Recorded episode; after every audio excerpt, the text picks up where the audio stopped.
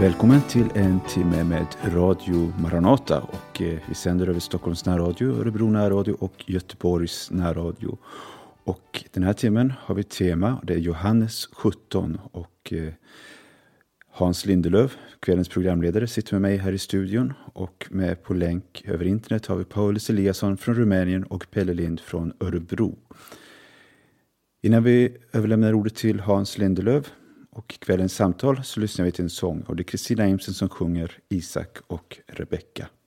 Där vid utkanten av staden vid en forntids vattenbrunn Eliezer med kameler lägrat sig.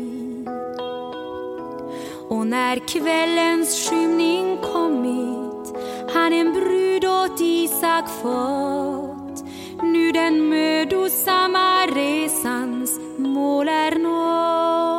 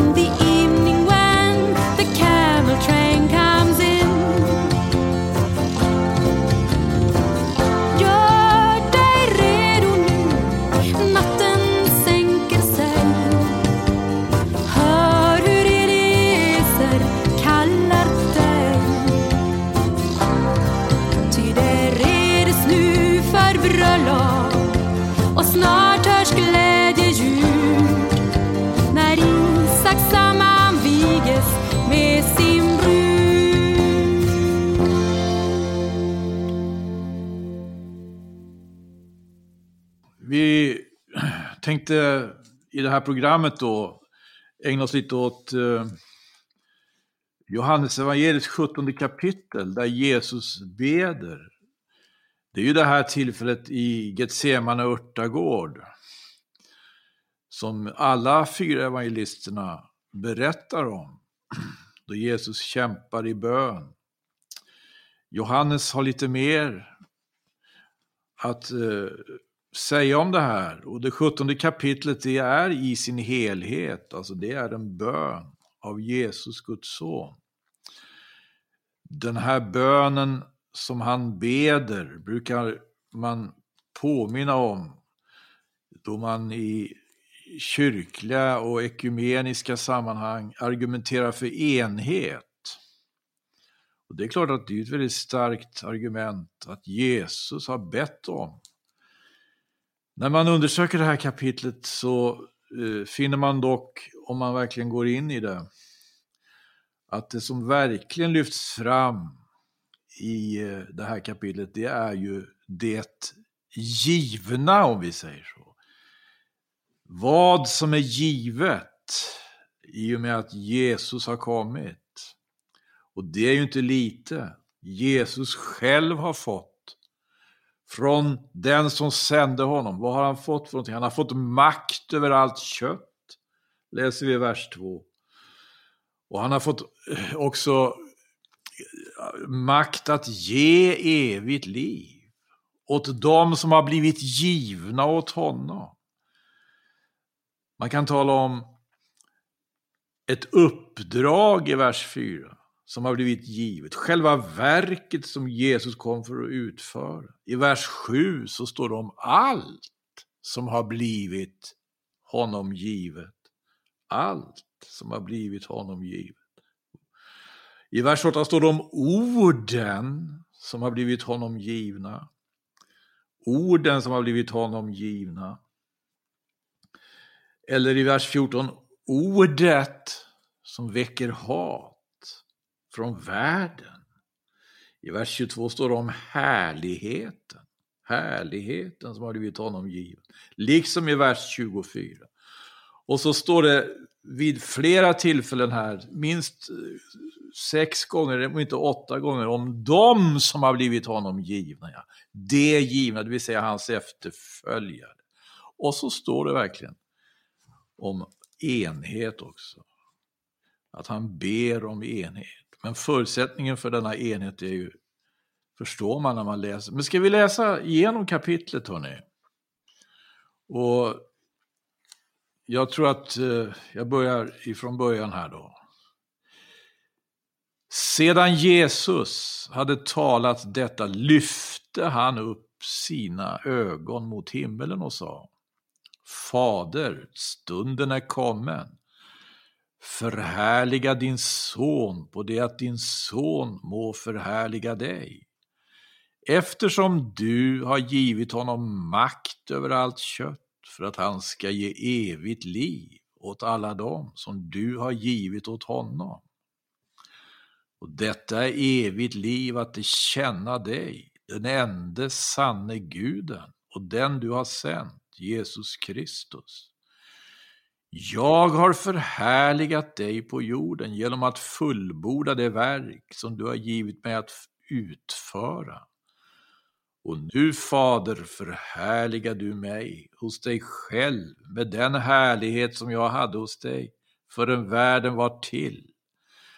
Jag har uppenbarat ditt namn för de människor som du har tagit ut ur världen och givit åt mig. Det var dina och du har givit dem åt mig och de har hållit ditt ord.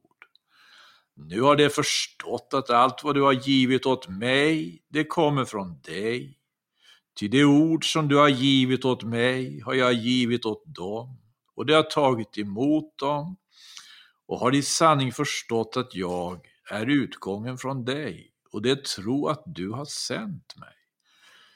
Jag beder för dem, det är icke för världen jag beder, utan för dem som du har givit åt mig, ty det är dina, så som allt mitt är ditt och ditt är mitt, och jag är förhärligad i dem.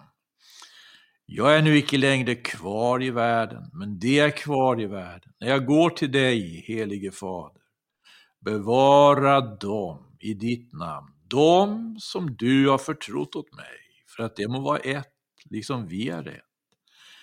Medan jag var hos dem bevarade jag dem i ditt namn, det som du har förtrott åt mig. Jag vakade över dem och ingen av dem gick i fördärvet, ingen utom fördärvets man. Ty skriften skulle ju fullbordas. Nu går jag till dig, dock talar jag detta medan jag ännu är här i världen, för att det ska ha min glädje fullkomlig i sig. Jag har givit dem ditt ord och världen har hatat dem, eftersom de icke är av världen, liksom icke heller jag är av världen. Jag beder icke att du ska ta dem bort ur världen, utan att du ska bevara dem från det onda. Det är icke av världen, liksom icke heller jag är av världen. Helga dem i sanningen, ditt ord är sanning. Så som du har sänt mig i världen, så har dock jag sänt dem i världen. Och jag helgar mig till ett offer för dem, på det att också de må vara i sanning helgade. Men icke för dessa allenast beder jag, utan också för dem som genom deras ord komma till tro på mig. Jag beder att de alla må vara ett, och att så som du, Fader, är i mig och jag är i dig, också de må vara i oss, för att världen ska tro att du har sänt mig. Och den härlighet som du har givit åt mig, den har jag givit åt dem, för att det ska vara ett så som vi är ett. Jag i dem och du i mig, ja, för att det ska vara fullkomligt förenade till ett så att världen kan förstå att du har sänt mig och att du har älskat dem så som du har älskat mig. Fader, jag vill att där jag är, där ska också det som du har givit mig vara med mig, så att jag får se min härlighet som du har givit mig. Ty du har älskat mig före världens begynnelse.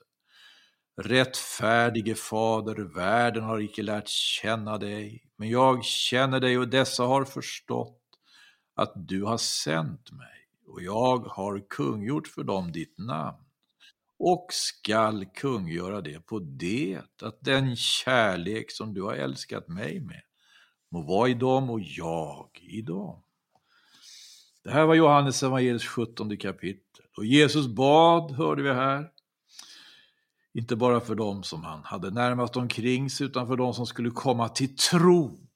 Här sitter vi nu några stycken som får blicka in i det här, ta del av det här, av den här bönen Jesus bad, som en gång hans lärjungar uppfattade.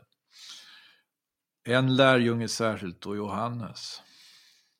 Och det tillsammans med mig, Sebastian Vidén sitter här, i, i Långshyttan i Dalarna och digitalt har vi en sammankomst här nu kring eh, i radiostudion då Paulus Eliasson är med från Rumänien och Rune Per Linde med från Örebro. Och jag vet inte om jag får uh, höra med er, vad tycker ni om uh, den här, om man säger uh, vinkeln på det hela som jag nu har presenterat, är det inte så att egentligen så handlar det här, den här bönen framförallt om, om det givna? Vad säger Paulus? Ja, jag, jag tror det att eh, det som eh, Johannes, eller som Jesus först och främst är, är eh, koncentrerad om här, det är ju att han har den här kedjan om man säger så. Han har tagit emot någonting från Fadern. Det handlar om, om, hans, om Faderns namn som han har, sen då har uppenbarat för lärjungarna och han har också fått en härlighet, eh, en ära ifrån Fadern, den som han ägde med Fadern ifrån världens, eh, före, eh, innan världens grund blev lagd. Och den har han då också förmedlat till sina lärjungar och så mot slutet av kapitlet så talar han ju också om kärleken som du har älskat med mig med, som du har gett mig, som jag har älskat dem med och som jag har gett till dem. Så det, handlar om, jag skulle vilja säga att väldigt mycket av det här kapitlet handlar om, om eh, att Jesus rapporterar om, om att han har utfört det uppdraget som han fick, nämligen att ge, ta ifrån Fadern och ge till sina lärjungar. Just det här uttrycket rapport, det är faktiskt, eh, jag tycker det stämmer. Det är en slags rapport i det här. Det är sonen som rapporterar. Det är det ja, som det, han... Det, det, är, det är ju, han, han talar ju just om att, eh, alltså det här är ju precis innan Jesus går in i ett semane, innan han eh, dör på Golgata. Och, och, det är ju helt klart att han, han har ju under tre år då varit tillsammans med sina lärjungar. Han har talat om orden som vi läser i evangelierna. Och, och jag tror att det här är en, en slutrapport på ett sätt. Alltså man kan se det från flera olika perspektiv, men bland annat en slutrapport för att berätta, för att, för att bekräfta att det uppdrag som Jesus fick, det är slutfört och det kommer att slutföras nu när han säger Fader förhärliga mig. Och det är ju den, det upphöjandet på korset som Johannes talar om och Jesus talar om i Johannes kapitel 3 bland annat. Ja, eh, just, just det här eh, som man kan säga vers 4 uttrycker. Eh, det är ju det här. Jag har förhärligat dig på jorden genom att fullborda det verk som du har givit mig att utföra. Och när han, när han, när han säger så här, när han ber det så här, fullborda det verk. Fullborda verket, då, då, då tänker man ju också på eh, eh, hans sista kanske uttalande på korset. När han eh, när han eh, blivit korsfäst så hörs ju från honom också det här strax innan han uppger andan. Va? Det är fullbordat. Och det här så att säga att, att, att Jesus har fullbordat ett verk för oss som inte någon annan skulle kunna utföra, som inte vi själva på något sätt.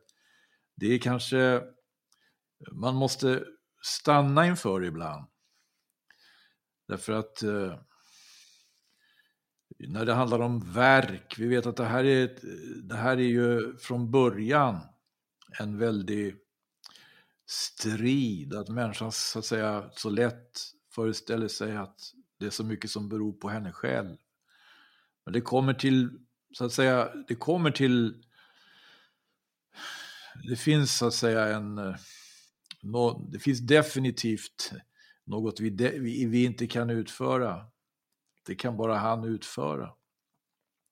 Det som Fadern gav honom att fullborda. Det verk som Fadern gav honom att fullborda. Jag vet inte om du, Pelle, har några funderingar kring det här. Hur, hur upplever du det? Du blev frälst av egna gärningar eller du blev frälst för att du är liksom i största allmänhet en sån förträfflig person eller hur ser du på det här? Ja, nej, det är nog eh, frälsning av nåd och just Guds kärlek också som det framkommer här. Va? Jag tänker som du sa från början här att hela det här kapitlet är ju en bön och man brukar säga att Jesus ber för alla lärjungar under alla tider. Och eh, på något sätt så är det här liksom en konfirmation, tycker jag, när man läser det, att, att han inför Fadern då ber den här bönen. Han har ju tidigare, då man läser till exempel hans avskedstal här då tidigare i evangeliet, så till exempel i 15 och 10 så säger han ju då till lärjungarna så här att om ni håller mina bud så förblir ni i min kärlek, lika som jag har hållit min faders bud och förbliver i hans kärlek. Ja. Och, eh, man kan se sen i 17 eh, kapitel 23 vers så står det så här Jag i dem och du i mig.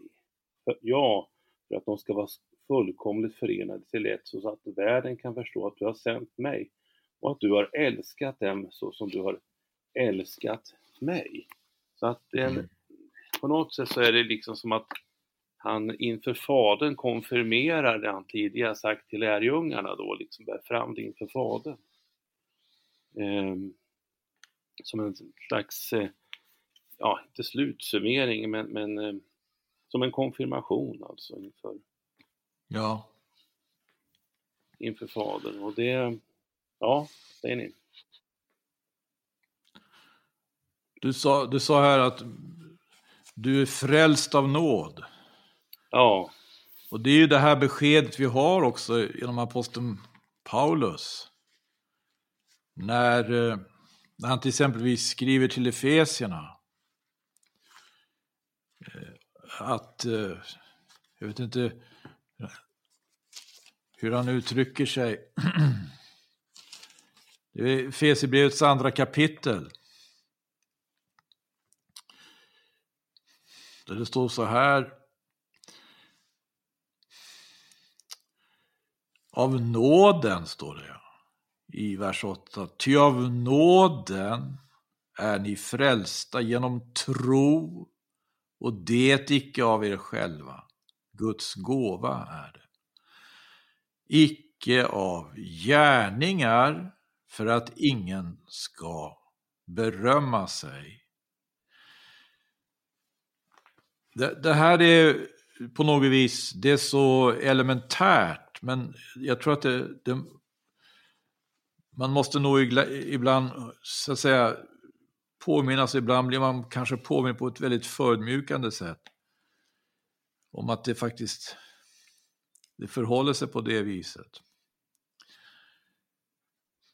Eller är det svårt, tycker ni, att hitta parallellställen till det här?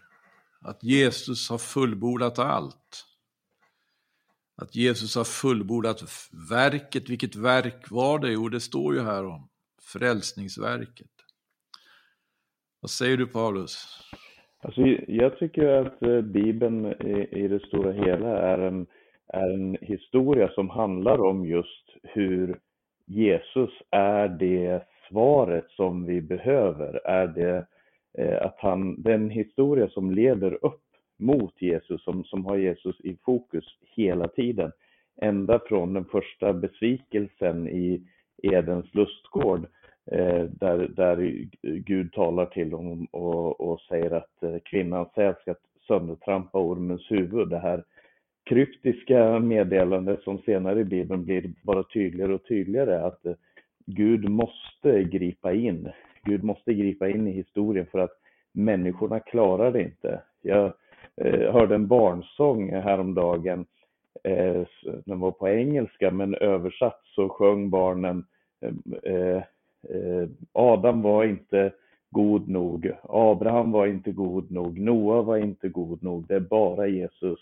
David var inte god nog, Daniel var inte god nog. Och liksom alla de här personerna som vi ibland använder som förebilder för Jesus eller vi ibland använder som eh, eh, exempel för våra egna liv. Men, men i grund och botten så är den bibliska historien att den enda som har fullfört uppdraget ifrån Fadern, som har kunnat uppenbara Fadern så som Fadern förtjänar att uppenbaras, det är Jesus. Och det är bara hans fullbordade verk på Golgata, som precis som du sa, han ropar ut, på grekiska så står det tetelestai, det är fullbordat, det är slut, det har nått sitt mål. Eh, det är bara han som har utfört det. Och, och, det är bara han som kan utföra det. Men av nåd så får vi ta emot det här som en gåva. Det det är nåd där, det är Guds oförtjänade barmhärtighet gentemot människor. Men, men det är intressant också att se i det här kapitlet att inte bara är gåvan att Gud, att sonen ger evigt liv till dem som tror på honom. Men gåvan är också vi. Alltså vi som tror på honom vi är Faderns gåva till Sonen. Man, det, det, man ser både, alltså genom hela, framförallt i Johannes evangelium, genom hela evangeliet är just det här att Fadern älskar Sonen och därför så ger Fadern till Sonen. Alltså Fadern ja. har älskat världen så att han gav sin enfödde son, men Fadern ja. har älskat Sonen så att han gav Sonen ett frigjort folk. Ja. Han ger, och, och sonen älskar fadern så mycket att han bevarar dem som fadern har gett. Och anden är med i det här verket genom att det, det, det är anden som är utsänd av fadern och sonen som bevarar de troende eh, in till Jesu tillkommelse. Det, jag tycker att den här, den här kärleksfulla gåvan, alltså vi fokuserar ofta på att gåvan till oss, så högt älskade Gud världen att han gav sin enfödde son. Men så högt älskade Gud sonen att han gav ett, ett förlöst folk till honom. Ja. Det tycker jag är fantastiskt. Amen. Och den här barnsången, jag vet inte, sjunger de den i Rumänien? Adam var inte god nog, nej. Nej, Noa var inte god nog. Va? Det var, det var faktiskt en sång som jag hörde av, det är en amerikansk eh, sångare som heter Shai Linne som har en, en, en barn-CD, så den är på engelska. Men jag har funderat på om jag skulle få försöka översätta den. För den, den fångar det så bra, för att ofta så använder vi så här, ja, vi, vi sjunger en barnsång, jag vill likna Daniel och jag vill likna Rut. Men Ja. i grund och botten så vill jag likna Jesus. Jag, Ja. jag tycker att eh, vi, vi, vi får se att den bibliska historien är att Abraham var inte god nog, Mose var inte god nog, David var inte god nog. Det är fantastiska människor som gjorde mycket gott och som framförallt fäste sin tro till den kommande Messias. Men, men i, i grund och botten så, jag måste se på Jesus för annars går det inte. Men, men det är inte just det här som kommer fram så, eh, i, i den här bönen. Vad är det som gjorde att eh, Daniel inte var god nog? Han var väl väldigt god? Va? Det står om honom att han hade en sån andlig utrustning som få. Vad var det som gjorde att David inte var god nog? Han som hade sådan, eh, om vi säger en sån gåva, att dikta och sjunga och prisa Gud. Ligger inte det just i det här, det finns ingen av dem som har kunnat bedja på det här viset, som Jesus ber. Om, om vi går till versen efter det här, om att fullborda ett verk, att fullborda, att han har, så, så heter det så här i vers 5. Och nu, Fader, förhärligar du mig hos dig själv med den härlighet som jag hade hos dig förrän världen var till. Detta kunde inte Daniel bedja, även om han sannerligen kunde bedja Daniel. Detta kunde inte David heller bedja, även om han sannerligen kunde bedja. Vet inte om Noa kunde bedja, förmodligen kunde han det va? Och Adam. Ingen av dem kunde bedja på det här sättet. Förhärliga du mig hos dig själv. Ja, det kanske de kunde bedja, men inte så här som det fortsätter. Med den härlighet som jag hade hos dig förrän världen var till. Med Jesus har alltså det uppstått någon och kommit någon som var innan han syntes i fysisk gestalt. Alltså när jag läser Hade du- Bibeln, när jag läser Bibeln och framförallt när jag läser Toran, alltså de fem Moseböckerna, så tycker jag att den som jag har störst hopp för, det är ju Josef. Han, han, han verkar verkligen som en karaktär som skulle kunna vara den här eh, kvinnans säd som ska söndertrampa ormens huvud. Man, man har sånt hopp för Josef för att han, han gör verkligen saker och ting rätt, även om han växer upp och verkar lite som en odåga eller en ganska irriterande person till att börja med. Så han, han går i förbön för sina, han hjälper sina bröder som egentligen hatar honom och han, han ger, han, han går igenom så mycket svårigheter men i tro på Gud.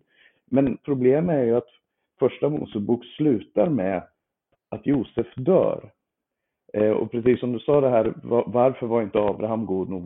Varför var inte, alltså bortsett ifrån det faktum att de var människor, syndare och, och svaga, så tänker jag på det som Hebreerbrevet säger eh, i Hebreerbrevet kapitel 7, så står det att eh, när, det står om Jesu prästtjänst, så står den 24 versen, men Jesus lever för evigt och därför har han ett prästämbete som är för evigt.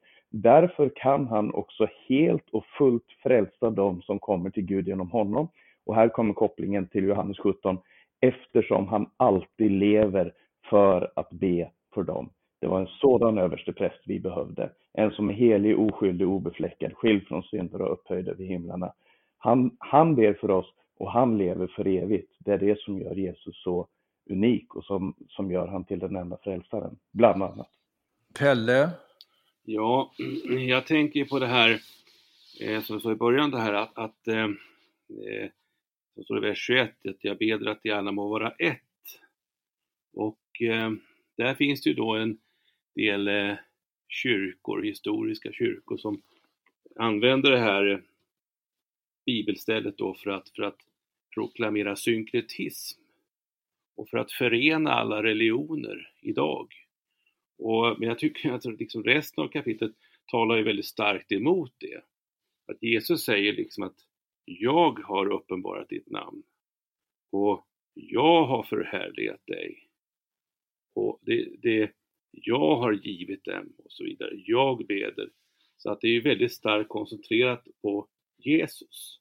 Och när man läser det här rakt upp och ner så förstår man ju att i ingen annan finnes frälsning.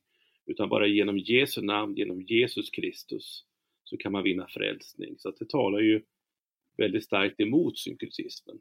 Fast de egentligen vill använda det då för, som stöd för synkretism. Synkretismen är, är ju liksom eh, Eh, det, det, fram, det, man får ju liksom en känsla då av att den här enheten skulle vara målet för en prestation. Va? Att man skulle på något vis kunna eh, hitta, hitta så att säga några lösningar så att säga, ja, intellektuellt och praktiskt för att nå en enhet. Men det är ju ingen enhet som, som, som är möjlig på något vis eh, tillägna sig utom att vi ser det i det här perspektivet tror jag, va? I, i perspektivet det givna, va? det av Gud givna. Finns det perspektivet, ja då, då kanske det finns hopp, men finns det inte då, då är det nog tyvärr inte möjligt att nå, nå den eftertraktade enheten. Och tror du inte också att det som Jesus säger i vers 17, så när han talar om de tillhör inte världen, säger han i vers 16, liksom inte heller jag tillhör världen. Och så säger han i vers 17, helga dem i sanningen, ditt ord är sanning. Så som du har sänt mig till världen, så har jag sänt dem till världen. Alltså, om, om man inte utgår ifrån Guds ord som sanning, Eh, så finns det ingen helgelse, alltså ingen av, inget avskiljande för tjänst. De som Fadern har gett till Sonen och som han ber om deras enhet. Han ber inte för världen, säger han, men han ber för dem som Fadern har gett honom. Och de som Fadern har gett honom, de blir helgade i Guds ords sanning. Så det, det, finns en inklusivitet, men det finns också en exklusivitet i, i den här förkunnelsen. Vi, lite som Nehemja säger när han får erbjudandet från främmande eh, människor som vill komma och arbeta tillsammans med honom. Så säger han, vi vill för oss själva med varandra bygga den här muren. Eh, och, och, det är någonting med det där, för oss själva, eh, därför att det är oss som Gud har kallat, men med varandra därför att eh, vi behöver varandra, vi behöver gemenskapen. Eh, och, och, jag tror att det är det Jesus talar om här. Vi, vi ska avskiljas för sanningen som är Guds ord eh, och så gå ut i världen. Vi behöver sanningen, vi behöver sanningens ord för att ha någonting att möta världen med överhuvudtaget. Guds ord, det, det är ju det som är alltså det fortgående här. Va? Jag menar, Jesus, Jesus har fullbordat verket. Han har dött på korset. När aposteln Paulus vill förklara vad evangelium är i första Korintierbrevets 15 kapitel, då, då är det ju just detta va? att Kristus har dött för våra synder enligt skrifterna. Han har blivit begraven, han har uppstått på tredje dagen enligt skrifterna. Han har visat sig för sina efterföljare. Och här får vi veta, han, han, när han beder, att ja, det ord som du har givit åt mig har jag givit åt dem. Det ord som du har givit åt mig har jag givit åt dem. Och eh, det här ordet eh, är ju det fortgående, det kan ju aldrig vara frågan om något annat. Det är det uppdrag som, som vi har fått. va eh, Som också står i vers, så som du har sänt mig i världen så har och jag sänt dem i världen. Fadern sände sonen med ett budskap. Sonen sände sina efterföljare med ett budskap. Det står att det står att eh, jag har givit dem ditt ord i fjortonde versen och världen har hatat dem. Det är också någonting som tillhör det här fortgående. Men ska det vara ett fortgående verk som är av betydelse, då, då beror det ju på Guds ord. Vad kan vi utföra om vi inte utför det i överensstämmelse med Guds ord? Det är mycket man kan drömma om, det är mycket man kan så att säga försöka förverkliga. Men det som inte överensstämmer med det här. Och även om det möter motstånd och hat rent av, så är det ju det vi har att hålla oss till. Eller vad, vad säger du Pelle? Vi har ja, något annat att hålla oss till. Kanske. Det här, jag läste till exempel vers 15 här då, så, så säger Jesus jag ber dig icke att du ska ta dem bort ur världen, utan att du ska bevara den från det onda. Och det är också ett starkt argument för att vi, att vi inte ska isolera oss som kristna, vi ska inte gömma oss eller liksom åka till någon öde ö. Och, utan vi, ska, vi har ju det ett uppdrag som du talade om här i början, att, att gå ut med missionsbefallningen. Däremot så ska vi inte påverkas av världen.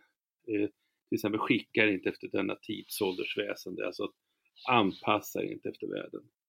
Men hatet eh, finns ju, alltså, jag har givit dem ditt ord och världen har hatat dem eftersom de inte är av världen, liksom inte heller jag är av världen. Så att uppdraget här förstärks ju, tycker jag, i den här bönen också, att, att vi, han tar oss inte bort ur världen, han har satt oss i den här världen, han har satt dig och mig i den här generationen som vi lever i för att vi ska vara ett ljus i mörkret och för att vi ska gå ut med evangeliet om Jesus Kristus, att han är den enda frälsaren. Men vi kommer att möta ett hat ifrån världen. Och, och som Paulus var inne på också, att, att, att eh, för oss gäller det då att, att, eh, att vara i sanningen. Så Jesus säger ju helga dem i sanningen. Ditt ord är sanning. Och jag anser att det är väldigt viktigt att vi håller oss, vad vi än gör, så att, att vi håller oss till Guds ord. Så att, så att vi inte tar in influenser av, av den här världen, utan håller oss till det som Jesus har sagt. Nu, nu ska jag faktiskt säga det, jag,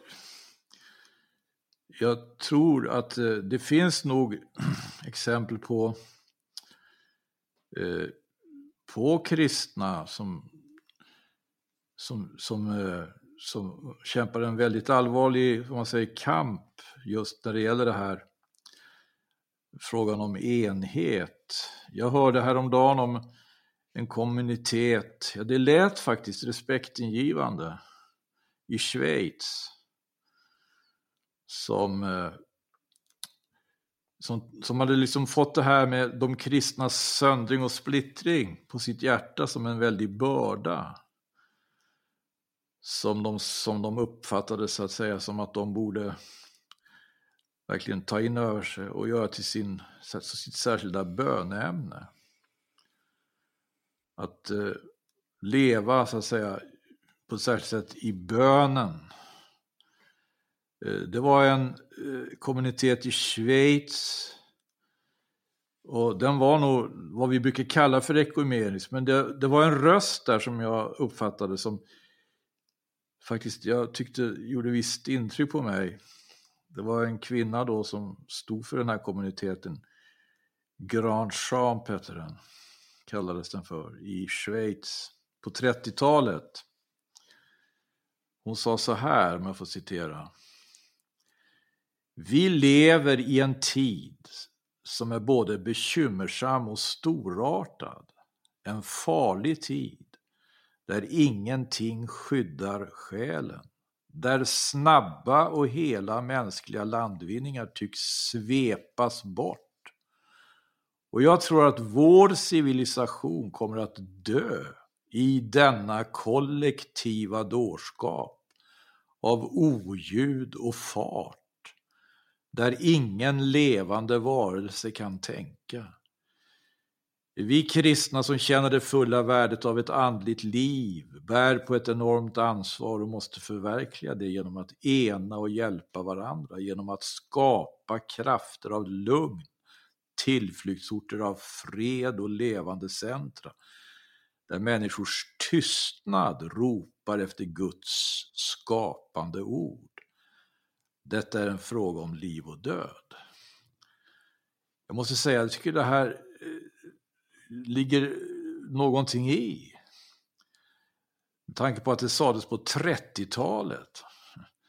Denna kollektiva dårskap av oljud och fart, där ingen levande varelse kan ta Jag tycker, om vi så att säga överför det på, nu lever vi snart 100 år senare, i alla fall 80 år senare. Är inte just det här som vi bevittnar?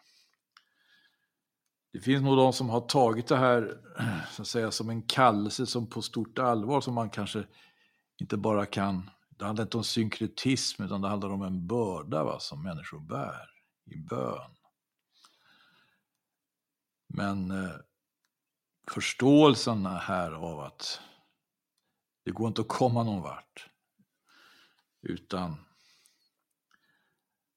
Gud det är det som är avgörande, det går inte att komma någon vart utan Guds son, Jesus Kristus.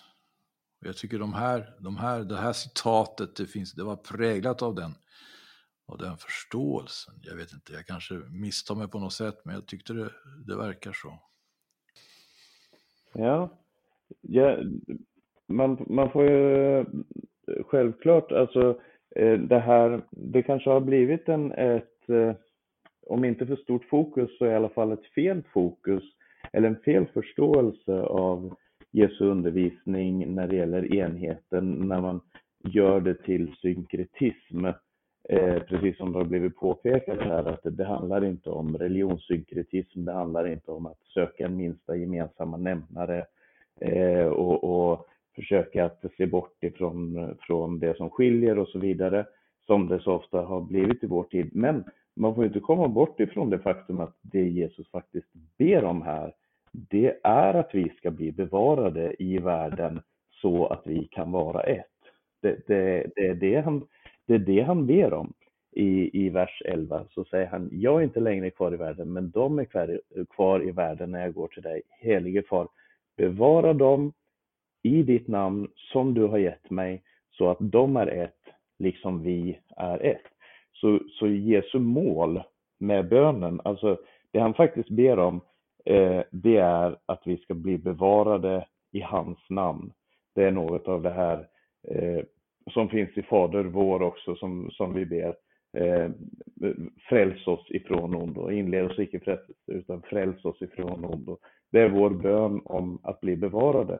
Och den bönen har Jesus. Och så säger han, och målen med att vi ska bli bevarade är så att de kan vara ett, eh, liksom vi är ett. Vi ska manifestera Guds egen, alltså Fadern och Sonens enhet och kärlek och härlighet ska vi manifestera i tiden. Och det, det måste bli en, en bön i våra hjärtan att, att eh, alla de som tror på Gud, alla de som förhärligar honom, som lever här i, i tron på honom och som har tagit emot frälsningen, som som är hans lärjungar, som lever i lojalitet till honom, ska manifestera den här enheten. För att otroligt ofta så manifesterar vi någonting helt annat. Jag läste just, läser just nu en bok om Uppenbarelseboken.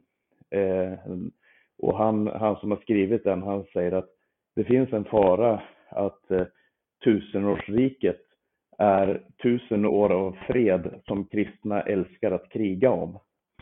Eh, och, och, det, som skulle vara, det som skulle vara berättelsen om Guds plan för fred, det blir berättelsen om eh, krig och splittring mellan kristna istället. Det är inte målet. Det, det, det är verkligen inte Guds mål, utan hans mål är enhet. Och om vi, om vi inte har det för öga, då kommer vi också att hamna fel. Verkligen en ja, kärv insikt tusenårsriket, tusen år av fred som kristna älskar att kriga om, strida om. Bedrövligt. När det gäller det här med enheten så är det ju som, det verkar som det är det är någonting som går igenom i skriften det här. Som en, som en stor, om man säger, tanke. Eh, det är att överhuvudtaget så finns det här i skapelsen då, va? tanken på enhet. Det finns i när Gud uppenbarar sig för Mose och låter Mose få veta vem Gud är. Vi vet att eh, eh, när Gud skapar allting, när han skapar människan, då han skapar människan till man och kvinna, då var det för att det tu skulle bli ett kött. Va? Här finns det här ordet att vara ett. Den äktenskapliga föreningen, alltså det är en väldig tanke där. Det är någonting som finns i Guds eget väsen. Där. Enheten. Enheten som finns i Guds eget väsen. Det är det som kallas för Shma Israel i femte Moseboks sjätte kapitel. Eh, där, där Mose får veta detta. Va? Femte Moseboks sjätte kapitel. Vers 4. Hör Israel, Herren vår Gud, Herren är en. Och du skall älska Herren din Gud av allt ditt hjärta och av all din själ och av all din kraft. Herren är en. Herren är en. Och är det inte så att det är profeten Sakarja som har det här också eh, som, ett, som ett stort löftesord om, om, om, om vad Gud vill göra i framtiden? Det står i Sakarjas 14 kapitel. Det står så här där. När Gud fullbordar sitt verk. På den tiden ska Herren vara en och hans namn ett.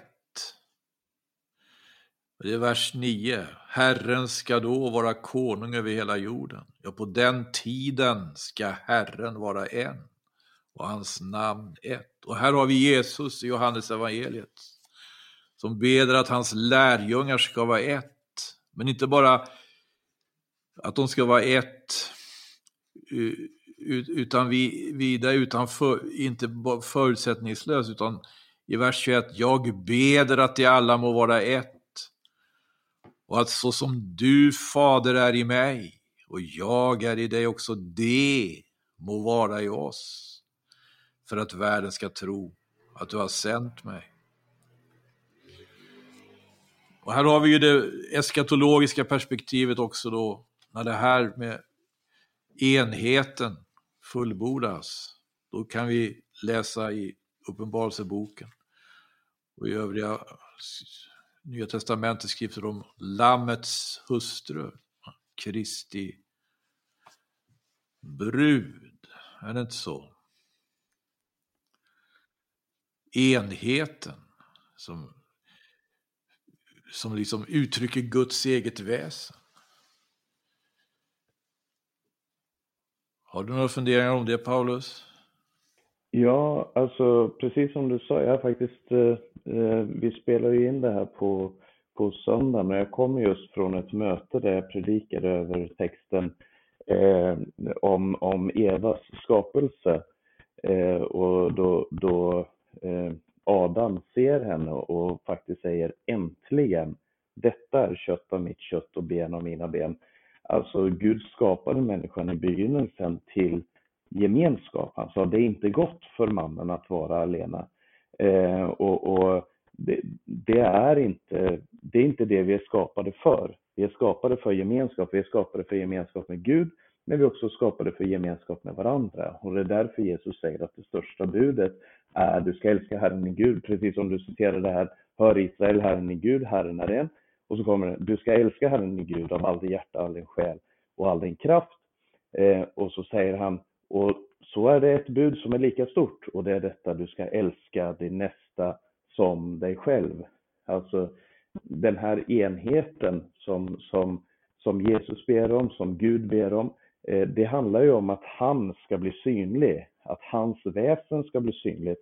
Eh, och egentligen tänker jag lite på det som står i slutet av kapitel 17, den, den sista versen, där det står så här, jag har gjort ditt namn känt för dem och jag ska göra det känt. Och så tycker jag om det här ordet för att, för det, det berättar för mig att mål, det här är målet med varför har Gud gjort har Kristus gjort Faderns namn känt eh, och varför ska han fortsätta att göra det känt? Jo, för att kärleken som du älskat mig med, alltså för att Faderns kärlek till Sonen ska vara i dem och jag i dem. Alltså Faderns kärlek ska förmeras, den ska, den ska spridas ut. Alltså Faderns kärlek till Sonen är så stor att den kan inte bara finnas i, i den relationen mellan Fadern och Sonen. Den är så stor att Fadern vill skapa tomma kärl som kan fyllas med den här kärleken. Eh, och den kärleken som Fadern har till Sonen gör att Gud är ett. Fadern, Sonen och den helige Ande är ett. Och han säger att jag vill att som vi är ett, så ska också de vara ett. Det, är, det är kärlekens mål. Och det är, det är uppenbarelsens mål, att Kristus uppenbarar för oss. Det är för att kärleken som du har älskat mig med ska vara i dem och jag i dem. Och det säger Johannes i sitt första brev också. Han verkar väldigt präglad av det han har fått höra av Jesus i den här översteprästerliga bönen. När han i första brevets fjärde kapitel talar om det här. Så har kärleken nått sitt mål när vi älskar varandra. Det är det som är kärlekens mål, att vi ska älska Gud, att vi ska älska varandra. Eh, och det, det, är, det låter ibland som en klyscha, ja, men vi ska älska Gud och älska varandra, tänk så fantastiskt. Men det är vårt uppdrag, det är vår kallelse och det får vara så, folk får kalla det för så mycket klyscha de vill, för att det, det är det vi är kallade att göra. Vi ska förhärliga hans namn på jorden genom att älska. Det tror jag, det, och det är, det är fantastiskt det är skrämmande, eh, men det är också ett otroligt uppdrag och som man verkligen vill bjuda in människor till. Att lära känna Jesus, lära känna hans kärlek och få uppleva att det verkligen eh, är en revolution i livet. För det är det enda som kan förändra en människa, det är Guds kärlek. Amen. Jag tror det får bli slut. Uh slutordet här i det här programmet. Vi får tacka så mycket. Vi får tacka Pelle, tacka Paulus och tacka Sebastian som sitter här och håller i tekniken. Tacka lyssnarna och tacka Gud. Amen. Amen. Amen. På jorden vägen var det smal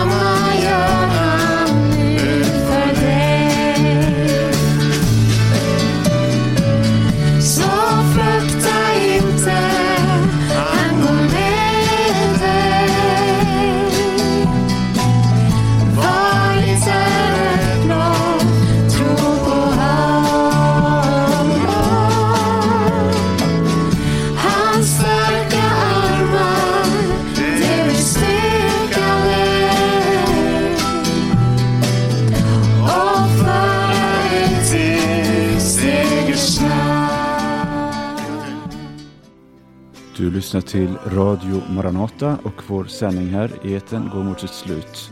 Och det här programmet har vi hört Paulus Eliasson, Pelle Lind och Hans Lindelöv samtala över Johannes 17. Och jag som är tekniker heter Sebastian Widén. Radio Maranata Stockholm sänder över Stockholms närradio 88 MHz varje morgon klockan 8 samt måndag och onsdag kväll klockan 18. Radio Maranata Örebro sänder över Örebro närradio 95,3 MHz och det är samma tider som Stockholm, alltså 8 varje morgon och måndag och onsdag klockan 18. Befinner du dig i Göteborg och lyssnar över Göteborgs närradio 94,9 MHz så sänder vi där varje tisdag kväll klockan 21 och lördag klockan 15. Och vill du ha mer information, vill du ha kontakt så är du välkommen att besöka vår hemsida på www.maranata.se kan ringa oss på 070-201 6020 eller mejla oss på info maranata.se. Just nu hör vi församlingen sjunga några sånger och det är liveinspelningar från 2018. Och vi lyssnar till några toner till innan vi går ur sändning. Gud välsigne dig.